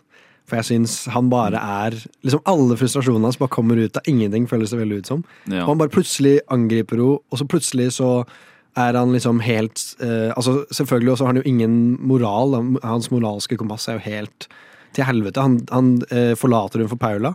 ehm, og så plutselig kommer han tilbake etter at hun, han da har vært på reise en stund. Og så, alt, og så er han, han er sammen med Paula på den tiden. Alt han vil, er å liksom ha sex med henne. Og han liksom, hun vil kanskje lese dikt eller eh, planlegge liksom skilsmissen, og han er sånn Ok, men la oss ha litt sex. Så, men så skjer det halvveis, men det skjer ikke. Og så tvinger han henne til det nesten. Og så er hun sånn Nei, jeg vil ikke. Og da er han sånn Ok, men da kan vi gjøre det du vil, da. Egentlig. Og så gjør det det litt. Ja, Men det, så er vil han tilbake ja, til det er veldig rart. Ja, altså, den eh, verste scenen for meg er jo når eh, de skal skilles, og det er liksom fram og tilbake, de skal ha sex eller ikke, og låse døra og, og så helt plutselig så bare mokka han løs på henne. Og så eh, så tenkte jeg sånn, ok, men det var liksom frustrasjon. Og så gjør han det en gang til, og da begynner han å sparke henne. Mm. Det er den drøyeste scenen. Ja, det er jo helt uh, sjukt. Jeg tror, jeg tror liksom, ok, dette er liksom hvor ille det kan være i slutten av en skilsmisse. Ja. Og så spoler vi ett, nei, jeg vet ikke hvor mange år etterpå, og du bare er ferdig på hytta og liksom er et normalt par igjen. Man klarer Eller sånn- aldri å gi slippe. De ender jo vel med at de har affære med hverandre Ja. i sine og, nye Og da er de to helt forskjellige nye forhold Ja. også. Mm. Men men man er jo på en måte i en evig sirkel. Man, det er veldig vanskelig å gi slipp med hverandre, eller Ja. til hverandre. Og det føler jeg han skildrer så bra. Og jeg tror Bergman har puttet veldig mye av seg selv i Johan-karakteren. Så han har jo sånn sett ganske mye selvinnsikt. da. Mm. Og Bergman har jo hatt sånn, han har vært 15 barn og seks forskjellige koner, blant annet Liv Ullmann. Mm. Eh, og liksom har jo vært en sånn Og det jeg føler Johan sliter med, og som gjør at dette hadde gått gærent uansett, er jo at det er jo ikke bare en historie om et ekteskap, det er jo også en historie om en midtlivskrise. Mm. Og at Johan er sånn Nei, faen, nå er jeg ikke lykkelig. Jeg orker ikke mer bursdager og julaften og nyttårsaften. Jeg vil reise til Paris med Paula. Mm. Og så sier han jo det selv òg. Sånn, jeg vet at dette er grusomt, men jeg har bestemt meg for ikke å ha noe moral. Jeg har bestemt meg for å bare reise og være lykkelig i stedet. Mm. Altså, det er jo noe liksom sånn kirkegårdaktig sånn. Han, han er jo bare sånn derre mm, Jeg vet at jeg er jævlig. Men jeg velger det, for da kan Mm. jeg ha et bedre liv. Så jeg føler at de åpner ganske store spørsmål om livet i denne filmen. Mm. Ja, det er Hva er det verdt å og, Nei, trenger vi familie? Han kommer jo tilbake igjen. Mm. Så kanskje det frie livet i 40-årene ikke var det han Mm. hadde lyst på likevel. Mm. Og jeg tror dette er sånne store spørsmål som eh, alle kommer til å møte på. Da. Og så er jo spørsmålet igjen om det går an å være med en person hele livet. Eh, om kjærlighet fins, eller om man på et punkt blir så lei av hverandre at Mm. man bare vil ødelegge hverandre. Da. Det, det som er kanskje det vanskeligste å begripe i denne filmen, er at de holder ut så Mm. lenge med hverandre. For det virker jo som at ehm, i løpet av konflikten her, så er det sånn for hver konflikt som går, så føler jeg bare sånn Jeg stiller meg alltid det samme spørsmålet, bare hva er det å få ut av det her, liksom? Utenom Mm. bare sånn seksuell attraksjon. For det er jo det som holder de igjen, virker det som. Sånn- Nei, men jeg tror det er vane, jeg. føler jeg. Ja, kanskje. Og, Men- men, de, blir jo, de har jo ikke sex mens de er sammen. Nei. Det er jo først når han blir med Paula at de begynner å ligge sammen igjen. Ja. Så det er jo mye av det seksuelle her selvfølgelig også. Jeg kan jo skjønne den desperasjonen man får når man liksom først I hvert fall, eh, Jeg likte veldig godt skildringen av Marianne sin desperasjon når eh, Johan først innrømmer at han har vært utro og sånn, og hun Mm. liksom må være sånn hun, alt, altså Han sier at han skal reise bort i flere måneder, bare sånn dagen før han skal Mm. gjøre det. Livet Og- hennes raser. Ja, ja. Bokstavelig talt. Eh, og alt hun vil er sånn Hun prøver liksom sitt alt liksom på å holde han tilbake. Bare sånn 'Å, ligg litt med meg', og alt mulig sånn, og det blir Jeg synes det er det mest realistiske og kanskje Ja. fineste i hele denne filmen, er at når han forteller 'jeg har vært utro, Mm. jeg skal forlate deg i morgen', og sånn, så blir ikke hun sånn der sånn i USA, i amerikanske filmer, så hadde hun vært sånn 'get the fuck out', og kastet noe i veggen og sånn, ikke sant? Og skri Mm. Men hun blir bare 'å ja, ok, jeg skal hjelpe han å pakke kofferten', og så ligger de bare og holder rundt hverandre og gråter, Mm. selv om han har sagt noe helt utilgivelig. Mm. Og jeg føler de nyansene der, der er Bergman dritgod. Mm. Dialogen er så bra! Så jeg skjønner ikke hvorfor Men dere ikke likte den! Vi sier jo bare positive ting! nei, det gjør vi. Jeg syns ikke vi gjør det. Men den dialogen er altfor perfekt, føler jeg. Nei, Arthur, du likte dialog. Jeg syns dialogen er så bra skrevet, jeg. Jeg syns uh, dialogen er veldig bra, og jeg føler liksom jeg blir lost in. Uh, men jeg bare, jeg bare føler ikke noe oppbygging. Det er bare dialogen som gjør oppbygginga. Og det, det er liksom sånn han, Johan er jo ek, ja, en ekstremt um, Han sier veldig mye på sånn For eksempel sånn 'jeg hater deg'. Eller jeg, jeg føler liksom det begynner å ta eh, Jeg syns den er veldig treg, men det begynner å ta liksom et steg sånn én time inn. Uh, når de har den der første, når han sier 'jeg er utro' og sånn. Og, men fram til da så er det liksom sånn hverdagsdialog. Og den, den uh, mister meg ganske mye der. For jeg syns det er så mye i den. Sånn, Mm. Hele del, delen før den utroskapsdelen er at Marianne egentlig er ganske ulykkelig. Hun er rastløs, hun vil avlyse søndagsmiddag, men hun får det ikke til. Eh, og så ender man at de må dra, at liksom, du ser dynamikken deres, og at egentlig hun også er ganske sånn ulykkelig i dette eh, A4-livet, da. Eh, men samtidig, det er jo noe Ibsensk over Bergman her, syns jeg. Mm. Uh, i liksom, det er jo veldig teater. Dette er jo Ja, også et teaterstykke på mange måter. teater. Um, men jeg føler at den funker veldig bra på et stort lerret også. Eh, og jeg vil anbefale alle Vega viser den sånn av og til. Mm. Se sekstimerversjonen på Vega. Mm. Sånn, jeg trodde jeg, eh, jeg Fordi jeg hadde vært gjennom en skilsmisse. Jo, dere må! Det er så bra! Og så er det mange som hyller Marriage Story. Mm. Det er jo en homasj i denne filmen. Mm. Overalt i Marriage Story er det små easter eggs til denne filmen. Mm. Plakaten henger i leiligheten deres. Um, så Noah Baumbach elsker jo også den scenen fra et ekteskap. Mm. Og det jeg syns ikke funker med Marriage Story, er at du bare begynner rett i skilsmissedelen. Mm. Jeg elsker at vi får være med på kaoset som leder opp. Ikke sant? Utroskapet. Marriage Story begynner jo bare når de har, liksom skal signere papirene. Mm. Men de forteller om ting som har skjedd før, men vi får ikke være med på det. Mm. Mens jeg Mm. elsker i Scenen fra et ekteskap at vi får være med på hver lille gritty, lille irriterende bit. da. Mm. Ja, Eh. jeg vet ikke helt om den funka som en film. Hvordan funka den egentlig som en serie? Hvordan Altså, ja, Vi så den jo som en film, Ja. da også, bare at den var seks timer lang. Mm. Og jeg syns jo det funket ti av ti. ja. Men kanskje det er eh, du, Thrilleren, eller liksom dramaet, ligger jo i dialogen. Ja. Så hvis du kjeder deg i det, så er det jo, funker det jo ikke. Mm.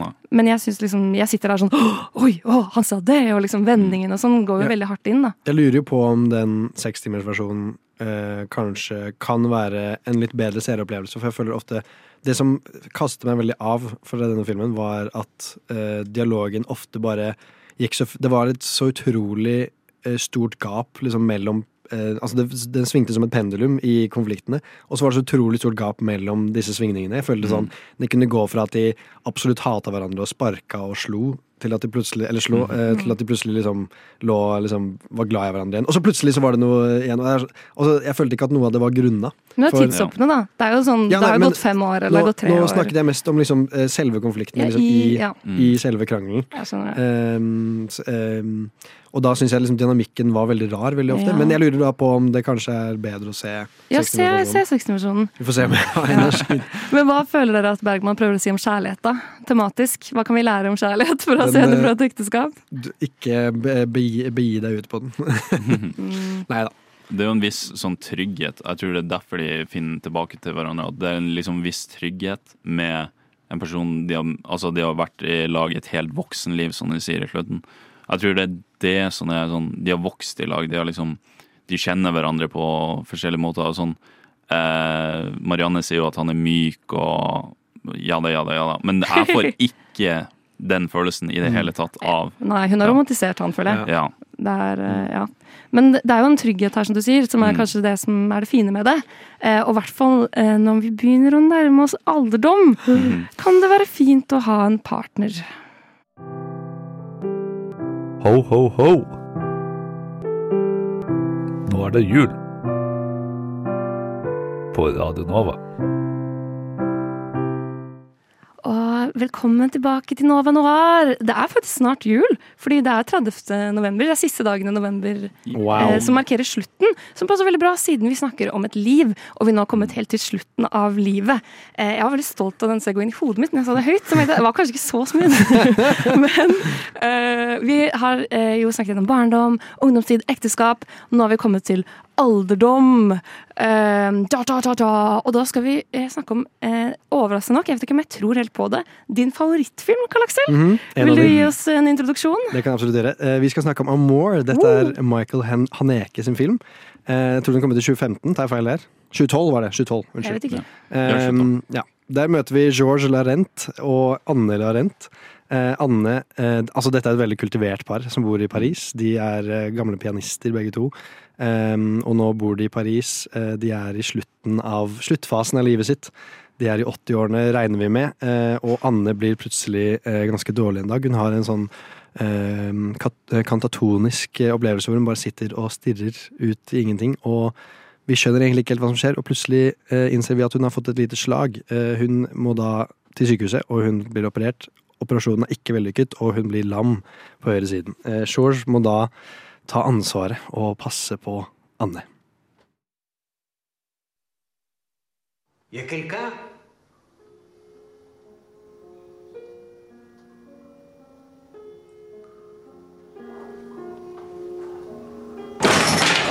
Y a quelqu'un Maman Tout à l'heure, quand je suis entrée, je me suis rappelé comment je vous écoutais toujours faire l'amour quand j'étais petite. Ça me donnait le sentiment que vous vous aimiez et qu'on resterait toujours ensemble. Ah, Qu'est-ce qu'il y a? Qu'est-ce qu'il y a?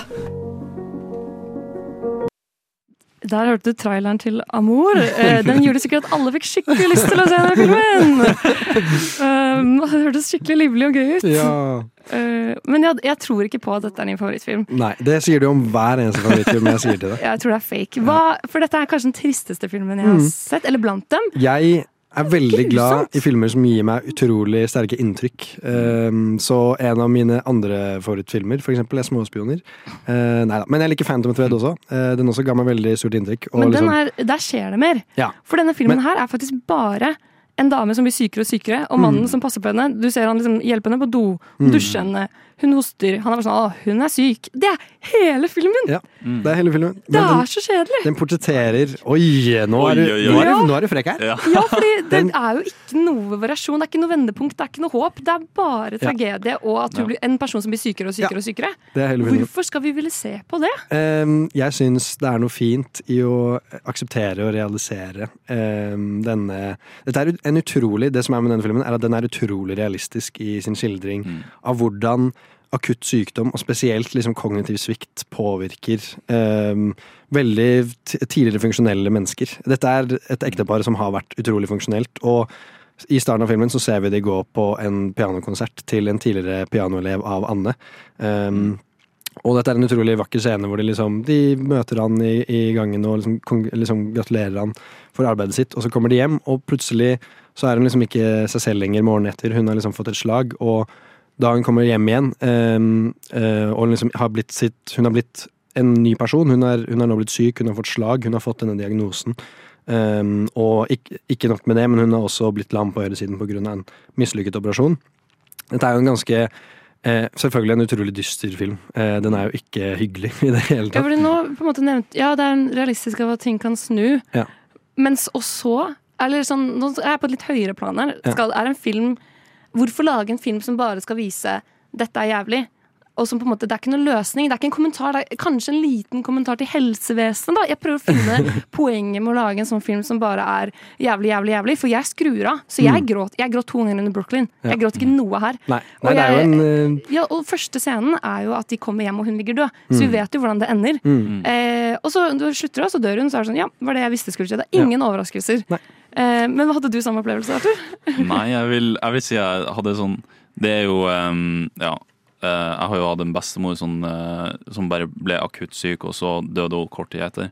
Så jeg føler at den hitta ganske hardt der. Mm. Um, og det er jo liksom sånn den, den kjærligheten de har i lag. Når hun kommer hjem og uh, blir hjelpa inn i stolen, så sier hun bare sånn 'vær så snill, lov meg at jeg aldri drar på sykehus igjen'. Mm. Og det er liksom sånn Det hitta ekstremt hardt. Fordi eh, hun sier jo flere ganger at liksom ikke ta vare på meg. Gå og gjør dine egne ting. Ikke eh, se over meg hele tida. Ikke liksom Mm. Og hun vil jo ikke ligge i den senga, hun vil jo ikke være der. Hun vil jo egentlig at det skal ta slutt. Mm. Eh, og han elsker jo hun fortsatt, og har liksom den samme kjærligheten.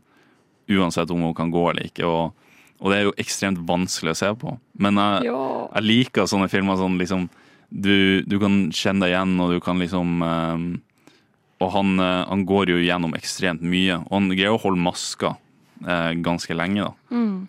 Han er jo en, han virker som en veldig bitter mann, og jeg tror ikke dette Mm. akkurat har hjulpet han på dette her. Altså, De har hatt, mest sannsynlig hatt et veldig flott liv. De lever i en veldig fin leilighet i Paris, og de har en familie. De har eh, Isabel Huppert som eh, barn, så de har jo tydeligvis hatt det ganske greit. Nei, hun spiller ikke seg selv, hun spiller jo Nei, hva heter hun?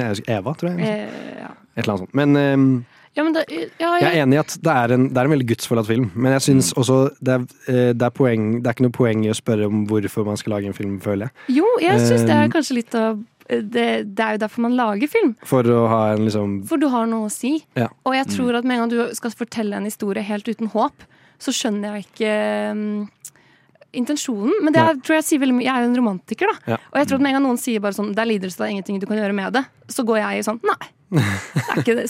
Da tar du feil. Jeg syns jo det er noe fint i det at han eh, Dette er veldig absurd å si, men det er noe fint i det at han velger å ta livet hennes, på en måte også. Fordi dette Han gjør det jo i stor grad for seg selv, men han gjør det jo også for henne, for dette er jo ikke Altså, Man kan jo tenke at motivet med filmen her er å kanskje gi en um, um, appell til liksom akutt dødshjelp. Eller Ja, noe ikke sant? Det, det, at den har politisk budskap, da. Du kan Hvis det, på på slutten måte, så var det sånn i rulleteksten Jeg vil absolutt ikke si at det er eh, poenget, da. Gi støtte til aktiv dødshjelp-kampanjen. da kunne jeg liksom skjønt det.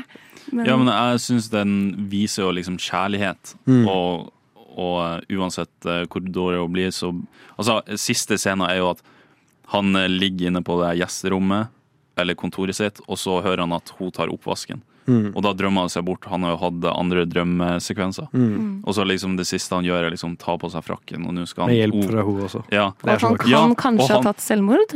Det er jo Eh, det- Jeg tolker det som at han tar selvmord i slutten. Ja, det er det jeg også tror. Men Ja. da er liksom sånn Han drepte jo henne for kjærligheten, og liksom Mm. dreper seg sjøl. Altså sånn eh, Filmen handler jo om kjærligheten, og hvor vanskelig det kan være, men at den fortsatt er der. Mm.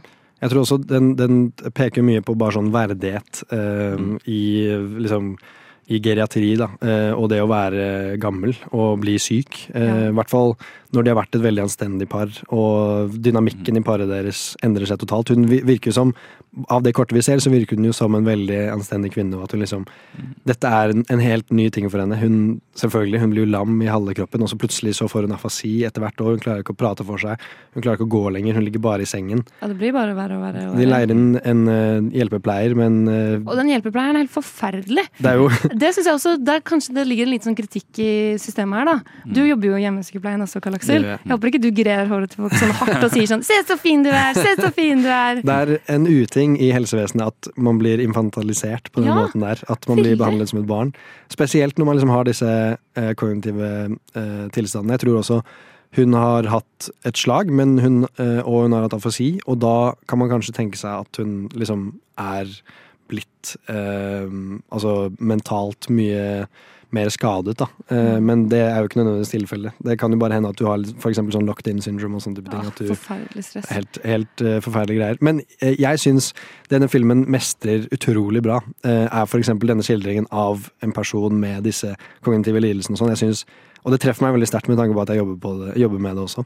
Um, så um, Og jeg, jeg syns også det at den er litt håpløs, liker jeg litt Nei, med den. Jeg liker håpløse filmer, da. Nei, Jeg, jeg Jeg tror, men jeg er enig, men jeg sitter jo igjen etter å ha sett den og bare tenker sånn åh, jeg vil egentlig ikke bli så gammel, jeg.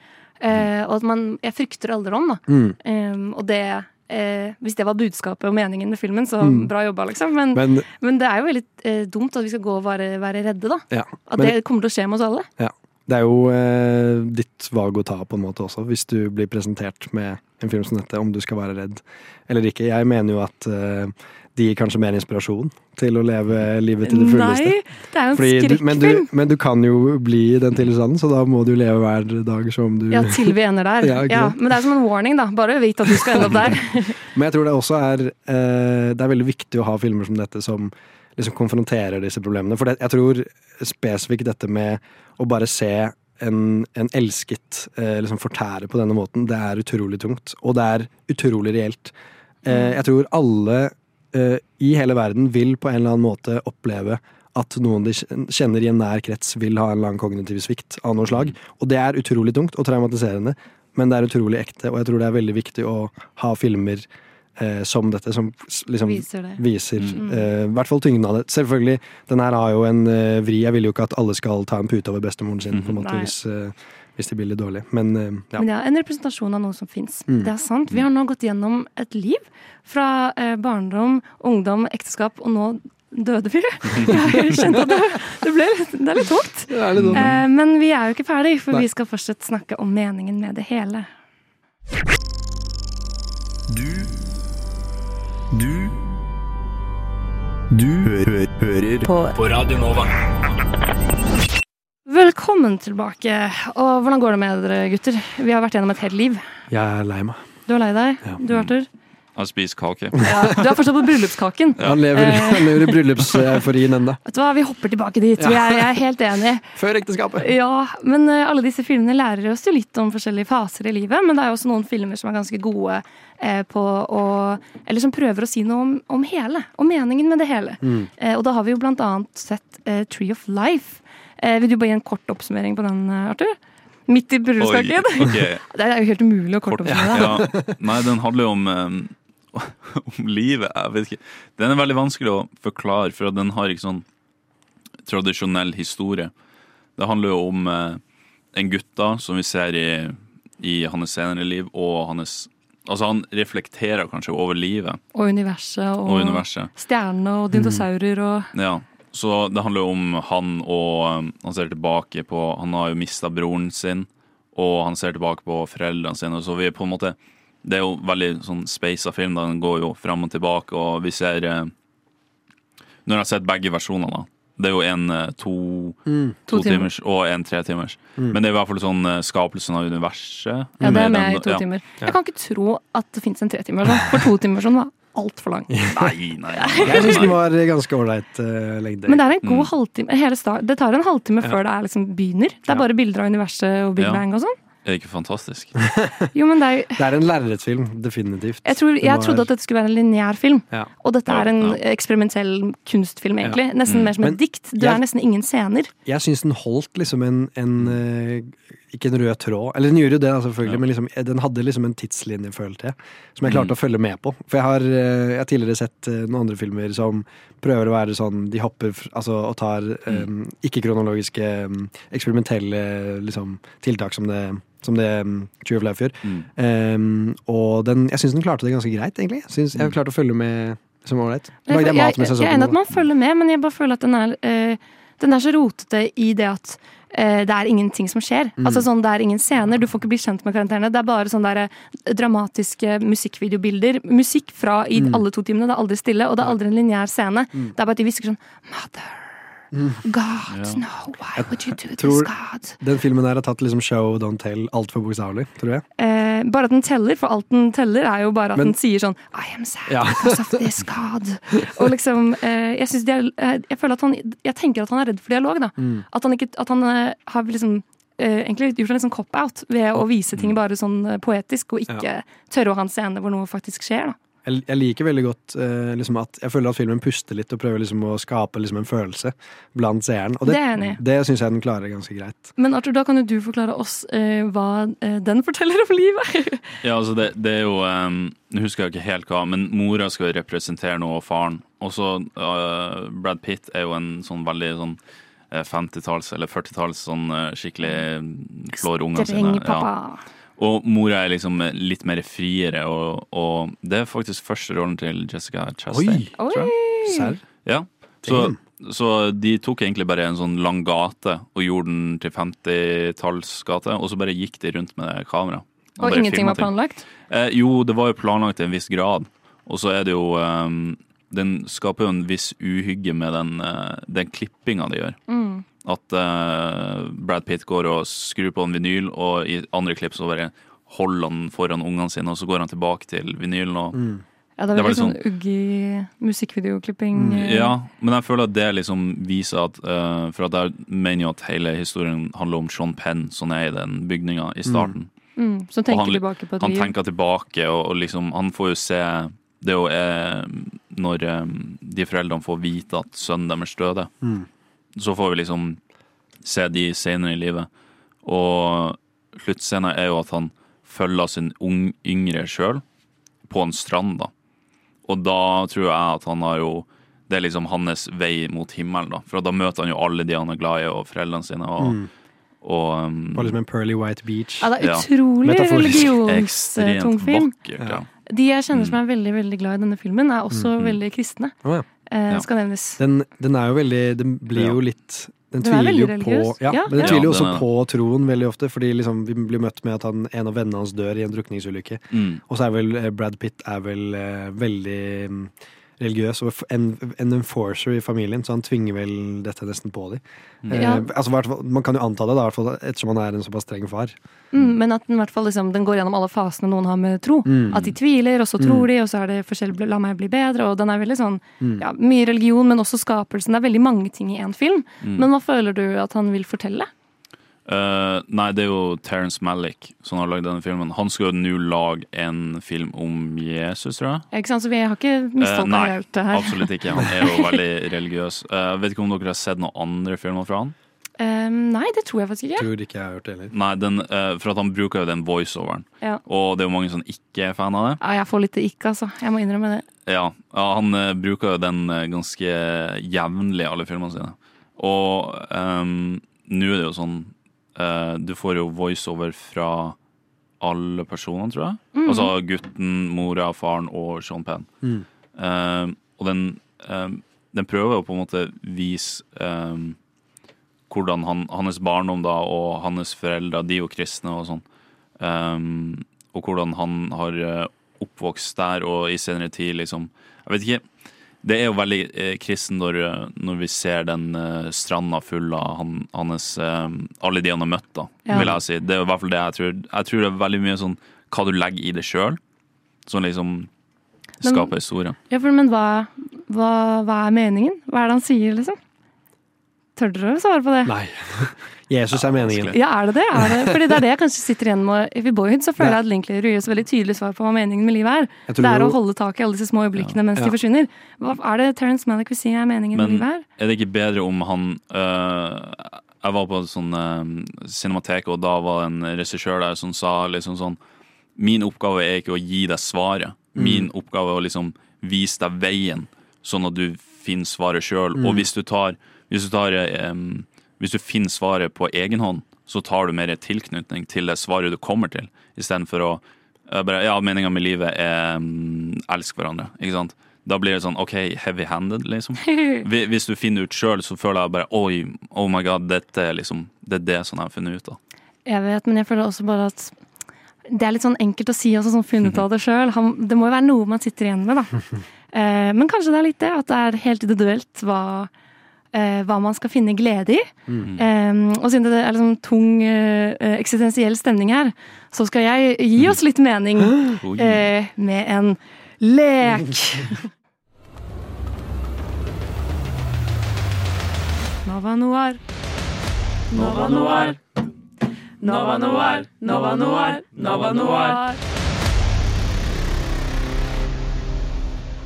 Og velkommen tilbake til Nova Noir, hvor vi har gått gjennom et helt liv og funnet ut at meningen med livet er å leke.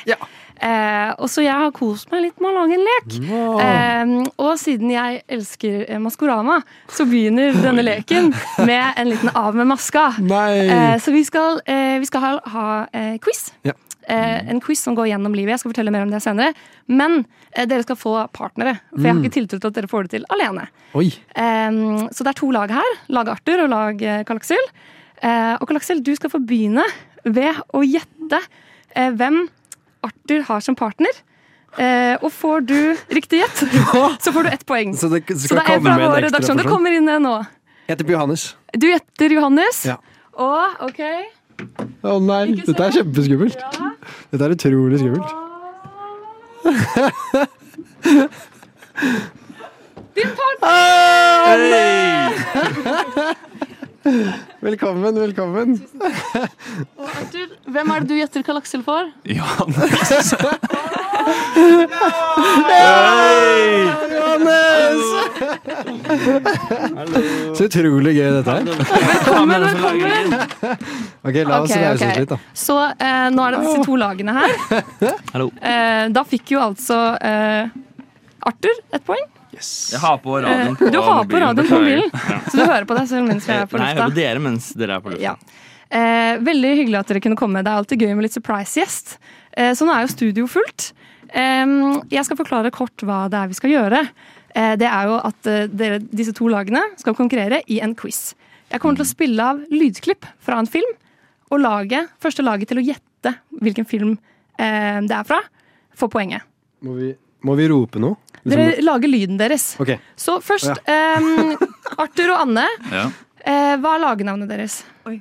Uh, uh, Anti-artillery gun. Fordi AA. Ok, Da sier vi bare AA. okay, ja. Eh, Kan dere komme med deres lyd i mikrofonen? Så det betyr at dere kan svare. Vi kan jobbe litt med lyden i sangpausen. Eh, Og deres lag heter, gutta? Eh, Black Hawk War Machine. Ok, da sier jeg bare BK. BK, Eh, veldig eh, Kan dere komme med deres lyd? Ikke sant. Så eh, vi skal straks begynne leken. Vi skal ta en liten eh, sangpause først, men da har dere skjønt greia. Jeg kommer til å sette på en lyd. Eh, dere lager lyden deres, jeg gir ordet til laget, og dere gjetter. Okay. To poeng for riktig gjett, eh, og ett poeng eh, for gjett etter hint. Hvis ingen får det til. Ja. Ga det mening? Vi, vi går gjennom det mer etterpå. Mottatt. Ok, da, er det, da gjør vi oss klare. Da er det bare å hype dere opp. Og eh, så hører vi på en liten hype-låt i mellomtiden. Jeg er redd.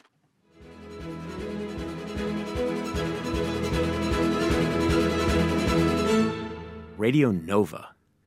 Du kan gjøre det. Nei, gjør det. Ok, ok, ok. Velkommen tilbake uh, til Nova Noir. Det er insane stemning i studio nå. Det er ikke oksygen her heller, så det blir bare rarere og rarere. Eh, Jeg angrer nå på at jeg har fire av dere, for dere kommer jo aldri til å klare å være stille i kor. Det er alle de fire mest høylytte medlemmene også. Men nå skal vi leke en lek, så jeg tenker vi bare gjør en sånn eh, der dere kjapt sier eh, lagnavnet deres og navnet på de som er på laget. AA, Arthur, Anne. Og Uh, Black Hawk Down Nei, Black Hawk uh, War Machine. War Machine. BK. Johannes og Karl Aksel. Nydelig. Ok, Så nå kommer jeg til å da spille av et lydklipp. ehm, som, eh, og jeg har jo selvfølgelig også gått i surr på disse lydklippene, så det er like spennende om jeg kommer til å klare å fullføre denne leken. Eh, så jeg vet heller ikke hva det er, men jeg håper jeg kommer på det. Eh, der dere skal si eh, hvilken film dette klippet er fra. Og Jeg tror noen av dem er ganske vanskelige. Altså. Okay. Eh, og hvis vi går kronologisk, så jeg tror dette er den første replikken i en film. Nå får vi altså den første replikken i en film. Klare? hva første er med en gang. BK! BK, det var raskt. Interstellar. Interstellar. Dere må være litt kjappere. Altså, der Å oh, ja! eh, Anne har jo ikke headset. Eh, det er faktisk en liten ulempe. Ehm, Det er et problem. det er et problem. Da får du mitt headset, du, Anne. Eller kan du høre på ett eh, på hver øre? Nei, eh, jeg tror kanskje de burde, bedre jeg tror å kanskje de burde få ditt Ok, men da- headset. Vær litt gavmild, Det ga en liten ulempe til det andre laget. Eh, Men dere klarte jo den innmari raskt, da. Ja, men vi så, jeg så den i går. Ja, det er sant. Ja. Ehm, Det Arthur, da. det var altså uh, My Dad Was a Farmer. Og var det Interstellar? Ja, Ja. Første replikken i Interstellar. We used to be Ok, Vi bare hopper videre. vi. Går på neste klipp. I get gloomy with the state of the world. I think about the arrivals gate at Heathrow Airport. Love Actually, BK. BK var et minuspoeng for at du var litt rask. Du må få ordet. Men det stemmer. Det var Love Actually. Beklager. Oh, nei. Så hvor mange poeng fikk vi? Dere fikk ett poeng. Det går bra. Ja. Unnskyld. Eh, det går bra. Jeg må være streng gamemaster. Men det var imponerende, det òg. Ok, ok, Det var også starten av film. Nå tror jeg vi kommer til å bevege oss til et tilfeldig punkt i en film. Er du klare? Nå er jeg redd nå. Um, I was out of town for a couple of days. Personal reasons. Anne, du ser ut som du tror du kjenner det igjen. Eh, Man kan også få ehm, et poeng for eh, Å ja! oh, oh. hallo! var, flagget på første. Hva sa du? Twilight. Ja! Det stemmer! Veldig bra. Hva holdt du på å si? Nei, nei, Ingenting. Jeg holdt på å si Manchester by the Sea. Ja, men det hørtes så jævlig ut som Case Affleck. Det var Rob, Robert. Ok, Vi fortsetter. Vi er fortsatt midt i en film. Star Command, come in. Do you read me? Oi, det var helt likt. Eh, Eh, AA. OK. Uh, Toy Story 1. hva skulle du si? Eh, Fantastic Mr. Fox. Ok, Da er det Toy Story som er riktig! er det? Ja! Er det mulig? Unnskyld. Den, eh, nei, nei, nei, men eh, Gratulerer, Arthur. BK får poenget. Eh, BK får poenget. ja, for de sa det jo først. Ja. Dere sa jo vi er BK. Ja, du. Altså, dere hadde jo valgt litt vanskelig teamnavn til mitt forsvar. Eh, hva da? Black. Hawk Artillery Machine Weapon? Eller noe sånt? Ok, Men da leder jo faktisk Team AA. Hæ? Vi går på neste. Har vi tapt? Hæ, nei, hva? My name's Tom. Nice to meet you. I'm Adam. Tom og Autumn. Dette er slutten av en film. det burde jeg si. Dette er helt på slutten av en film. Jeg kjenner Eh, det igjen. Går det an å høre lydklippet en gang til? My name's Tom. Nice to meet you. I'm Autumn. 500 Days of Summer. Korrekt! Wow! Selvfølgelig! Selvfølgelig! selvfølgelig. Og det er en ganske episk slutt også. Ja, den er bra, den. Ja. Ok, dere, Nå er vi faktisk på siste her. Eh, og det er veldig likt, så um, for å gjøre det litt spennende, da, så kan vi Nei, det blir litt juks, kanskje. Nei, vi kan si at uh, den her kan gi tre poeng. Da. Oi! Så utrolig random. Eh, ok, Og dette er også nå. Jonas. slutten av en film. Ok. We had this enormous uh, coconut cake. Helt riktig! Åh! Ok, Men nå er jeg litt dårlig gamemaster, fordi jeg så at jeg hadde et til. Oh, ja. oh, Men- men men- vi er det til, som også har vært tre. Men nå er det, nå er det faktisk helt likt. Oi. Så nå blir det på Oi. ekte. Hvordan har dere så mange poeng? Jo, det, du, de har jo hatt Vi har svart. De har svart jeg har like mange ganger som dere. Okay. Er du sikker? Jeg er helt sikker. Jeg har det i Excel-skjemaet mitt her. Har du Excel? Eh, Jeg, har Excel- jeg må jo det. Jeg er utrolig dårlig på å holde telling. Ok, er dere klare? Her kommer det aller siste. Marla, look at me. I'm really okay. Og AA, Fight Club. ja! Gratulerer! Gratulerer! Pokker, Sikkert avslutter på en sånn dårlig film. Ja, jeg vet. Syns du det? Nei, jeg, jeg, jeg, jeg, var sur. eh, Jeg bare hater å tape. Da vinner dere en julekalender! Yippee! Du får en hel Hvordan dere skal dele den, vet jeg ikke egentlig. Gratulerer med ny julekalender. Dere må møtes hver dag i desember. Dere må, møtes hver morgen vi kan bare møtes annenhver dag. Nei, da blir det jo hver dag, da. Winter Wonderland. Gratulerer. Er dere eh, skuffet over eh, egen innsats? Eh, Black Hawk Artillery Weapon er veldig skuffet. Vi vinner krigen, men vi Ja. tapte eh, slaget. Slaget. Eh, ja. Se Napoleon på kino neste, neste uke. ja, ikke sant. Um, ja, det, jeg er i hvert fall veldig stolt. Jeg trodde at det skulle være mye vanskeligere. Jeg tenkte at det var noen som ingen kom til å få til, sånn som den Five and Days of Summer, og egentlig Mm. Twilight. For det var ganske rart det i Twilight. Mm -hmm. Men dere imponerte. Eh, gratulerer. Eh, vi skal runde av snart, men ikke helt ennå, Mm. så bli med oss på en liten låt. Og velkommen tilbake! ah, vi er fullt studio, eh, og vi koser oss. Det går mot slutten. Ja. Eh, og vi har snakket om livet. Vi snakket om livet. Livet går mot slutten. Livet går mot slutten, og det, Vi har funnet meningen med livet, og meningen med livet er lek og venner. Ja. Så det var derfor jeg ville dra inn eh, Og fordi Skal vi favorittprogrammet mitt er alle holde Maskorama. hender Så hyggelig. i sirkler? Eh, vi er litt for langt unna hverandre, men vi, vi fikser det går bra. Vi, okay, det tar vi etterpå. Ja, vi etterpå. Ah. Uh, men vi har lært å ta vare på de små øyeblikkene.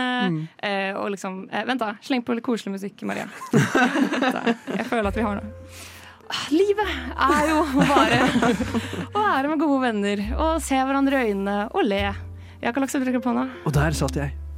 Og jeg innså at det var dette. Det var dette som var livet. Hvorfor er Helstrøm i Han er surprise-gjesten! Han er surprise-gjesten! Ja. Ja, dette er gøy for Anne fordi hun ikke hører den koselige musikken. Så for henne er dette bare litt rart. Men eh, Det er helt glemt. ja, jeg er ikke med på viben. Nei. Men for å runde av dagens sending, da, eh, kan vi ikke alle si noe vi gleder oss til? Arthur, vi kan begynne med deg. Så tar vi runden. Uh, jeg gleder meg til å dra hjem til jul. Åh, Uh, veldig bra svar. Em, jeg gleder meg til julebord. Ja! Jeg gleder meg til å henge med vennene mine etterpå. Jeg gleder meg til å få kognitiv svikt. Ja! Jeg gleder meg til jul. Jeg gleder meg veldig mye til jul, faktisk. Maria, hva gleder du deg til? Eh, jeg gleder meg til å levere eksamen. Ja! Og ønsker deg jeg eh, gleder meg til å høre Radio Nova igjen neste torsdag. For vi er ikke ferdige ennå. Vi har to sendinger igjen av året, og den 14. desember så kommer eh, den største av dem alle, eh, Best of. Vi skal kåre de beste filmene i 2023, så pass på å høre på da. Eh, og frem til da så tror jeg vi bare sier eh, takk for oss, og god, god torsdag. Og takk for deg, Emla. Tusen takk. Takk tusen for deg, takk. Takk for det. Vi elsker deg. Nå sier vi alle sammen sånn ha det bra i kor. Én, to, tre. Ha det bra!